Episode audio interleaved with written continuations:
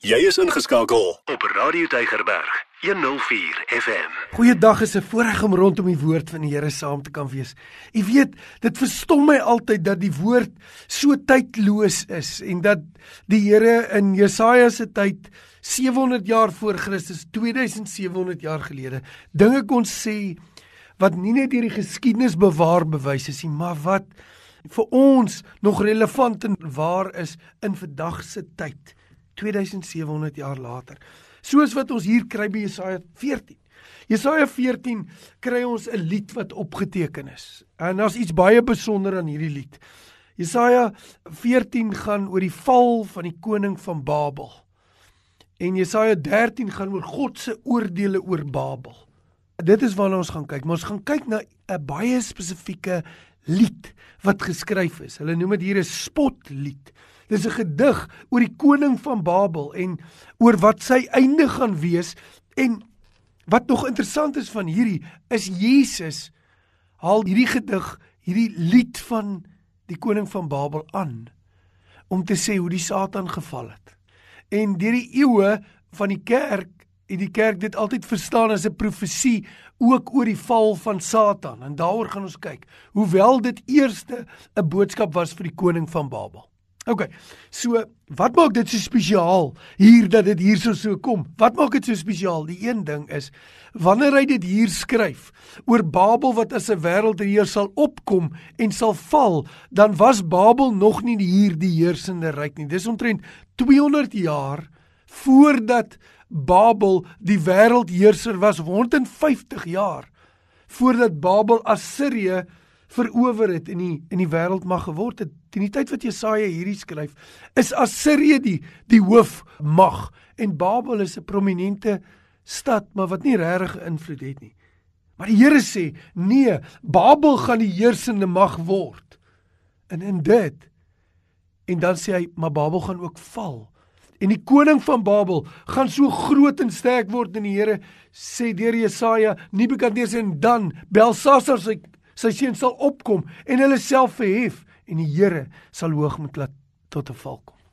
Is dit so wonderlik dat die Here in sy woord beskryf iets wat nog gaan gebeur 200 jaar later en ons sit nou en ons kyk en ons sê maar dit het gebeur net soos wat dit gesê is net so die Jode gekyk en gesê dit wat Jesaja gesê het oor Babel wat sal opkom wat sal sterk word en wat sal val was waar en daarom weet hulle Jesaja is die woord van God.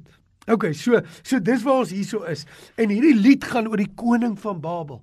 Hoewel Jesus ook in 'n sin in die val van Satan wat uitgeval het uit die hemel en wat hierdie lied bring in konteks. En dit gaan vir ons 'n paar dinge leer. Dit gaan vir ons leer oor lewe na die dood en hoe dit werk. Dit gaan vir ons leer oor oor ietsie van die doodryk en die hel. Dit gaan vir ons leer oor die groot beginsel wat hoogmoed kom tot 'n val. Dit gaan vir ons wys na die God wat ons aanbid. So kom ons vertrou die Here. Ons gaan nou lees Jesaja 14 hierdie lied. Vader, ons wil vir U vra dat U U woord sal lewend maak en dat dat iets van van wat ons hieroor gesels ons harte sal raak, Vader, sodat elkeen wat nou hoor sal ervaar die woord van die Here. Ons het u gees nodig daarvoor ons kom buig voor u. Ek bid vir elkeen wat in 'n nood is en wat vandag 'n stryd het en wat voel, hoe gaan dit nou met my praat? Ek vra dat u deur die Heilige Gees nou sal praat. Ons dankie daarvoor in Jesus se naam. Amen. Ek begin Jesaja 14. U moet dit eintlik self gaan lees vers 4 tot en met omtrent vers 18. Maar ek gaan etlike verse lees. Hy sê dan sal jy hierdie spotlied aanhef oor die koning van Babel en sê: Hoe het die drywers nou opgehou? Opgehou met verdrukking. Die Here het die stok van die goddelose verbreek en die staf van die heerser. Hy wat volke verwoes het in die grimmigheid en hulle geslaan het, wat oor die nasies geheers het en wat hulle geagtervolg het. En dan sê hy, maar is neergewerp. Nou tussen hakkies wil ek net gou-gou hierso sê, in die vorige hoofstuk, hoofstuk 13 vers 17 sê hy ek verwek die meders wat nie sal agslaan op jou silwer en goud nie wat nie mammon sal volg mammon is mos 'n galdeese god so wat Jesaja sê is hy vat dit nog verder hy sê ek gaan voorspel die mag wat die Here gaan gebruik om die koning van Babel neer te werp nog voordat die koning van Babel heers tog terwyl die Assiriërs besig is. Jy sien die Here ken die einde van die begin af. Daarom kan ons glo wat die woord sê. En dan kom hy nou by die interessante deel van die lied wat sê die doderyk daaronder is in beroering om jou ontwil, jou koms tegemoet. Met ander woorde sê die koning sal sterf. En dit wek om jou ontwil die skimme op al die bokke van die aarde met ander woorde die mense wat saam in die hel in die doderyk geoordeel sal word en laat die konings van die nasies van hulle trone af opstaan en hulle almal ophef en sê ook jy het kragteloos geword soos ons. In ander woorde, die doodryk verwelkom hom. Jy het soos ons geword en dan sê hy die lied: Jou trots is neergewerk in die doodryk, die gedruis van jou harpe. Onder jou het die wurms jou bedsprei geword en die maaiers jou bedek. Met hulle sê die die matras waarop jy slaap is wurms en maaiers sal bo jou wees soos 'n kombers. Hy sê: "Hoe het jy nie uit die hemel geval nie, o môre ster, seun van die daarraad? Hoe lê jy teen die aarde neergeslaan, die oorweldiger van die nasies en jy het in jou hart gesê: Ek wil opklim in die hemel, my troon verhef bo die sterre van God. Ek wil sit op die berg van samekoms op die uithoeke van die noorde. Ek wil klim bo die hoogtes van die wolke, jou gelykstel in die allerhoogste." Dis wat die Satan ook gedoen het. Dis kom Jesus dit ook optel. Ja, in die doderyk sal jy neergewerp word, in die diepste plekke van die kuil. En dan sê hy en die wat jou sien beskou jou en hulle let op jou en sê is dit die man wat die aarde laat sidder het die koninkryke laat bewe wat die wêreld soos 'n woestyn gemaak het en die stede verwoes het sy gevangenes losgelaat het al die konings van die nasies almal rus Is nie geweldig nie. Kom ons kyk 'n bietjie na hierdie hierdie lied onder die tema. Onder die tema hoogmoed kom tot 'n val. Hoogmoed kom tot 'n val. In die koning van Babel se lewe, die een wat hom verhef het, die een wat hom hoër gestel het as die hemele. Nou daar's 'n vermoede, wie was dit? Was dit Nebukadneser? Nou wat hy gesien het, of was dit Belsasar? Ek dink dit was Belsasar, want Nebukadneser is nie deur die meders omgegooi nie. Die Here het hom 7 jaar verneder sodat hy kon erken die Here is God. So dit was teen teen sy seun Belsasar. Jy sien, deur die eeue van Adam en Eva vir die mens in die versoeking geval om jouself te probeer gelykstel met God. Die duiwel kom in die tuin van Eden en sê vir Adam en Eva, weet jy wat? God weet jy sal soos God wees as jy dit doen. En elke keer kom hoogmoed tot 'n val. Elke keer kom hoogmoed tot 'n val. Jy weet Yuri Gagarin Yuri Gagarin in 1968 eh, was hy deur die Russe in die ruimte ingestuur. En ehm um, die premier op daai stadium van Rusland was Khrushchev. Khrushchev was 'n baie interessante man. Hy het byvoorbeeld in die United Nations daai tyd hy sy skoen uitgetrek en geslaan op die op die tafel en gesê luister na my. Nou Khrushchev het gesê hulle gaan vir Yuri Gagarin in die in die ruimte instuur en as hulle God kry then we will knock him off his little throne. Kan jy glo? Dis wat hy gesê het. Khrushchev is dood en weg. En God is nog steeds op die troon. Yuri Gagarin wat in die ruimte ingegaan het, het homself vanuit na die tyd teruggekom en hy het gesê, "Hierdie wêreld getoon en gesê, ek was in die ruimte en daar's geen God nie, hy's nie daar nie. Ek het hom nie daar gekry nie totdat in Skotland eendag dit gesê het. Toe staan 'n ou Skotse oomie op, hy sê, "Mr Gagarin, if you would have stepped out of your shuttle, you would have seen God." En binne weke of maande daarna toe sterf Yuri Gagarin in 'n aaklige motorongeluk. Die Here is nog steeds op die troon. So die Muammar Gaddafi in Libië en ek was 2028 9 dae voordat hy vervolg en doodgemaak is. Toe hy 40 jaar in bewind was, was ek 2 jaar in 'n ry, het ons daar gegaan en na die kerk toe gegaan. Weet jy wat? Hy het gesê hy sal soos die toring van Babel met al sy geld 'n toring hoog genoeg bou in Tripoli dat Italië dit kan sien, 'n paar honderd kilometer verder oor die Middellandse See. En die laaste wat ons van Gaddafi gesien het wat hom so verhef, is toe die media gewys het hoe hy in 'n waterpyp weggekruip het voordat hy doodgeskiet is. God is nog op die troon. Gaddafi is weg. John Lennon van die Beatles het in 1980 gesê: "Ons wat die Beatles is, is meer populêr as Jesus Christus." Sy populariteit het hom gedraai in een van sy een van sy aanhangers het hom doodgesteek met 'n mes sodat vandag as jy vir jong mense vra wie's John Lennon in die skole, dan weet hulle dit nie. Meer populêr as Jesus. Jesus is op die troon. Voltaire, die man van die verligting, die Franse filosoof wat so impak gehad op sy dag, het op 'n stadium gesê: "God en die Bybel sal binne 30 jaar nie meer genoem word nie." Arme Voltaire is voor 30 jaar verby is, is hy dood. Hy word nie meer vandag genoem nie, maar sy huis word gebruik vir die Bybelverspreidingspunt in Frankryk. God is op die troon. Die Bybel sê hoogmoed kom tot 'n val. Dit het in die koning van Babel se tyd het hoogmoed tot 'n val gekom. Reg volgens Jesus was dit die rede hoekom die Satan ook geval het. Jy sien, die Satan se aard is hoogmoed. Hoogmoed wat tot 'n val kom, dit is sy aard. Want hoogmoed beteken dat ek buig voor myself neer. Ek is die belangrikste en jy oortree daardeur die belangrikste en die eerste gebod en dit is jy moet die Here jou God lief en eer met alles jy mag geen gode langsom en hierdie tweede aard van die Satan is hy's die vader van die leuen. Hy gaan of na jou toe kom soos in die tuin van Eden wat slinks kom en jou probeer verlei met die vraag: "Het God regtig dit gesê?" Die leuns van die vyand probeer altyd teenoor teenoor die woord van die Here staan. Of hy probeer jou binnendring met sy aard wat trots is. Andrew Murray skryf in die in sy boekie oor oor nederigheid. As jy dit ooit in die hande kry op die internet, verniet maar die nederigheid. Want hy praat oor die karakter van ons Here Jesus Christus wat sagmoedig en nederig van hart is. As jy teenoor dit staan die karakter van die draak en dit is trots en hoogmoed. En hy sê so baie mense beskerm hulle kinders teen die uiterlike gevare en bou die muur hoog rondom hulle huis en enige mens sal dit graag wil doen. Hy sê dan vergeet hulle dat binne in hulle huis wys hulle hoogmoed en die karakter van die draak met 'n hoogmoedige houding beïnvloed jou kinders meer. Nee, sien, hoogmoed kom tot 'n val. Dit het vir die Satan so gebeur. Hoogmoed kom tot 'n val wanneer dit met die koning van Babel gebeur. Hoogmoed kom tot 'n val ook in my en jou lewe. En daarom sê Romeine 12 die volgende vers 3. Hy sê sodat julle julle het genade nodig sodat julle nie van jouself sal dink meer as wat julle moet nie. Hierdie gedeelte sê vir ons vlugtig 'n paar dinge van die doderyk. Hy sê mense wat vir hom bang was in die lewe, was nie meer vir hom bang nie. Mense wat hom geëer het in die lewe het nie meer vir die koning van Babel geëer nie. Hy was gelyk aan hulle. Die Bybel sê hulle het hom tegemoet gekom soos skimme. Hulle name is niks. Hulle skade wees van wat hulle vroeër was. Waarvoor was hulle so bang vir hom? Jy sien wat wat hier gebeur.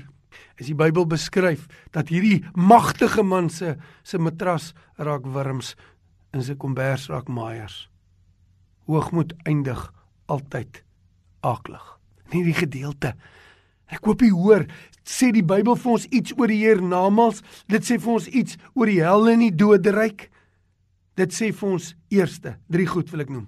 Hy sê, dit sê die dood is 'n adresverandering. Dis of lewe tot lewe ewig saam met ons Here Jesus Christus te leef en te heers en saam met hom voor hom die knie te buig tot in ewigheid en saam met hom sê die Bybel regeer al weet ons hoe dit gaan wees nie. Maar die hel is ook nie net 'n einde nie. Dis 'n voortgaande pyniging. Jesus sê waar die wurm nie doodgaan nie en die vuur nie ophou nie. Rykman en Lazarus vertel Jesus dat binne oomblikke na die dood wat gebeur, weet die persoon wat in die hel is, hy's in die hel tot in ewigheid. Dis nie net 'n dood wat niks bring nie. En hy's tot en Lazarus is by die Here tot in alle ewigheid. U sien, Op Jesus praat meer oor die hel as wat hy selfs oor die hemel praat. Die tweede is 'n persoon word erken daai tyd. Net soos glo ek in die hemel sal nie hel ook erken word. Behalwe met een verskriklike waarheid saam. Is dit 'n plek van kragteloosheid en 'n verlies van alle krag, alle status, alle posisie. Jy's 'n skim en 'n skade weer van wat jy voorheen was. Jy het nie meer 'n naam Jou naam beteken niks. Jou bankbalans beteken niks. 'n Doodkleed het die sakke nie sê. Ek dink prediker. Nee, hoogmoed kom tot 'n val. Is die skokkende en die direkte eh, ding wat die Bybel sê, hoogmoed kom tot 'n val. Dit het gebeur met Satan, dit het gebeur met die koning van Babel en dit sal tot my en jou ook gebeur. Die jong man in een van die mitologiese stories, hy was die wêreldkampioen stoeier.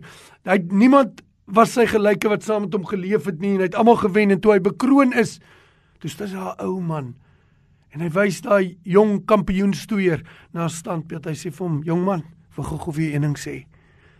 Ek het jou sien stoei op jou beste nou. En ek het daai man, daai kampioen sien stoei en ek wil net sê jy is 'n match vir my. As hy hier was, het hy jou geknak soos 'n riet. Ek wil dit net vir jou sê. Ou man stap weg. Gemeene ding om te sê, nee. Maar wie wat gebeur? Hy Hy gaan daai aand gaan daai jongs toe. Hy kan dit nie vat nie. Hy's die beste. Maar hy kan nie dit vat dat mense hom meer ken dat hy beter as hy aanhou sou wees nie. Hy gaan staan voor hy standbeeld. Hy sê: "Jy, jy dink jy's so sterk. Kom veg nou teen my." Die storie gaan dat hy vat die standbeeld en hy wikkel hom en hy trek hom los uit sy fondasie uit en die standbeeld val om en val hom dood. En dan sê die mitologie: "Jy sien, hoogmoed sal altyd doodmaak." Dis miskien die mitologie maar hulle bou op 'n waarheid wat God al lankal van die vroegste tye af gesê het dat hoogmoed kom tot 'n val en ek en u moet dit doodmaak in ons lewe. Hoe moet ek dit doodmaak? Ek moet toelaat want die Here vir my sê, "Hier, klim jy nou op jou perdjie. Hoekom probeer jy so in hoogmoed? Hoekom dink jy so baie oor jouself?"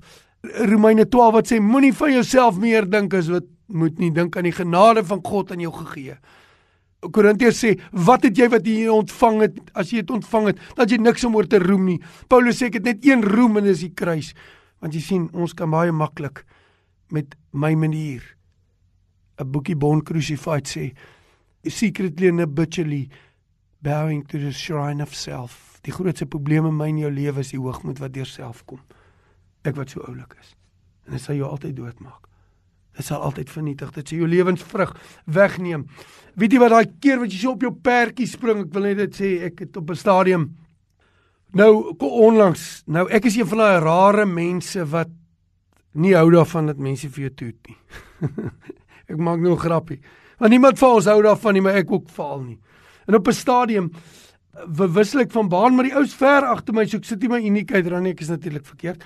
Maar die ou toet, maar hy toet nie net 'n klor toetjie nie. Hy toet vir my 'n lang toet en ek dink by myself, ek sommer dadelik op my perk, ek dink ek wil eintlik kom kry by die robot en vir hom sê, "Kom ons gaan staan net daar voor, dan help ek jou gou-gou om jou toeter te ontkoppel want weet jy wat, jy weet duidelik nie hoe om dit te werk nie."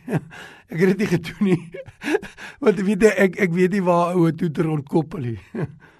en dadelik daarna toe ek het so gedink het, ek het nie gesê nie, sê die Here vir my, "Jy's almal vinnig op jou perkie." Dis trots wat dit doen is hoogmoed. Dit is vir my veragtelik en dit sal altyd 'n vrug bring van val in jou lewe. En ek kon dit dadelik voor die Here bely. 1 Petrus 5 sê die volgende: Daai gedeelte wat hy sê, jy moet jy vyand weerstaan. Hy loop rond so brullende leeu en soek wie hom vir sal verslind. Wie wat sê hy voor dit? Dan sê die Bybel daar 1 Petrus 5. Wie wat sê hy voor dit? Hy sê want die God weerstaan die hoogmoedige maar aan die nederige gee hy groter genade. Hoe vang die leeu, die Satan wat rondloop sosse brullende leeu vang hy jou? Hy kry jou om op jou perdjie te spring en vir self te veg. Die Here moet vandag vir u wys waar laat hy toe dat trots in jou lewe inkom? Waar raak jy die belangrikste en oortree die eerste gebod om geen ander god voor die Here toe te laat of te eer nie en jy eer jouself? Wie dan hoor ek mense sê die volgende. Hoor ek mense sê die volgende. As jy jou naaste lief hê soos jouself, daarom sê die Bybel jy moet jouself lief hê. Dis absoluut nie waar nie. Dis nie grammatikaal waar nie. Wie hoekom is dit nie? Want as ek sê iets is so wit soos sneeu, dan sê ek sneeu is wit en ek vergelyk iets met sneeu. Daai ding is soos wit soos sneeu. As die Bybel sê jy moet jou naaste lief hê soos jouself, dan sê die Bybel 'n mens het in die red in jou val, 'n liefde vir self, die Bybel noem dit hoogmoed. Elke mens het dit. En hy sê soos jouself. So die Bybel vergelyk selfliefde met waar jy moet lief hê. Met ander woorde, die Here sê jy het jouself lief. Die Bybel sê nie jouself meer lief hê nie. Dis nie wat die Bybel sê nie. Nou kom ons net vir 'n oomblik. Wat sê 1 Petrus 5 nog as hy sê die duiwel moet jy teenstaan, hoogmoed kom tot 'n val, maar God verhoog die nederige. Dis die beginsel. In dying we live. Soos wat ek myself neerlê, so word Jesus verheerlik in my. Dis die oogmerk van die kind van die Here, nie om homself 'n naam te maak nie. Wie wat wie voorag gesê het vir homself 'n naam gemaak? Absalom. Absalom het vir homself 'n naam gemaak. En toe wat eindig hy? Eindig in die gat in die grond daar by dit in 'n hoop klippe op hom. En dis 'n herinnering aan die naam wat hy vir homself gemaak het. Hoogmoed kom altyd tot 'n val. Eendag kom ek in 'n situasie 1 Petrus 5 vers 5. Ek was jong man in die bediening en ek was so reg op 'n stadium. Ek was regtig reg in daai situasie. En uh, my kollegas was ouer en ek het gevoel hierdie is 'n punt en ek gaan daar staan en toe ek stil gaan word, toe begin die Here vir my 1 Petrus 5 vers 5 en sê jy gaan na daai ou oudste kollega van jou toe en jy gaan humble jouself want dis die posisie wat ek by jou soek. Ek soek nie by jou koue harde korrektheid om reg te wees nie. Ek soek by jou die hart wat bereid is om te buig. En die Here het op 'n stadium daardeur gekom. Jy sien daar's 'n teenstander. Die duiwel, hy loop soos 'n brullende leeu rond. Maar hoe kom hy? Hy kom en hy vuur jouself aan sodat jy begin opstaan vir jou regte, jy begin eis jou regte, jy begin om jou reg deur te gee en jy begin om in hoogmoed meer van jouself te dink. En dan kom die brullende leeu in in jou lewe in en hy vernietig. Die Here sê humble yourself unto the mighty hand of God. En ek dink aan ons Here Jesus Christus. Hy sê kom en leer by my want ek is wat? Ek is sagmoedig en nederig van hart. Die Bybel sê van hom hy het nie roof geag om aan mens gelyk te word nie. Die koning van die hemel, die een wat op die troon sit, het mens geword, maar nie net mens geword nie. Die Bybel sê in, in Filippense 2, he was willing to be made of no reputation. Hy word in 'n stal gebore omdat hulle sê dis nie 'n belangrike man nie. Hy's 'n gewone persoon. Hy word in 'n krib neergelê want daar was nie 'n plek, 'n plek vir diere word laag behandel. Meer as 'n slaaf. Laer as 'n slaaf. Slaaf se kind sou nie in 'n krib gelê het nie. En wanneer hy oploop na die kruis toe, kom hy met 'n donkie in Jerusalem in. En hy identifiseer met Sagaria wat sê jou koning kom na jou toe nederig, hy ry op 'n donkie. Hy laat toe dat hulle hom verneder. Hy laat toe dat hulle hom slaan en hom verwerp. Hy laat toe dat die mense wat hy wat hy op soveel maniere gedien het om verwerp selfs sy disippels wie se voete hy nou net gewas het en hom ge, uh, vir wie hy gedien het, verlaat hom almal.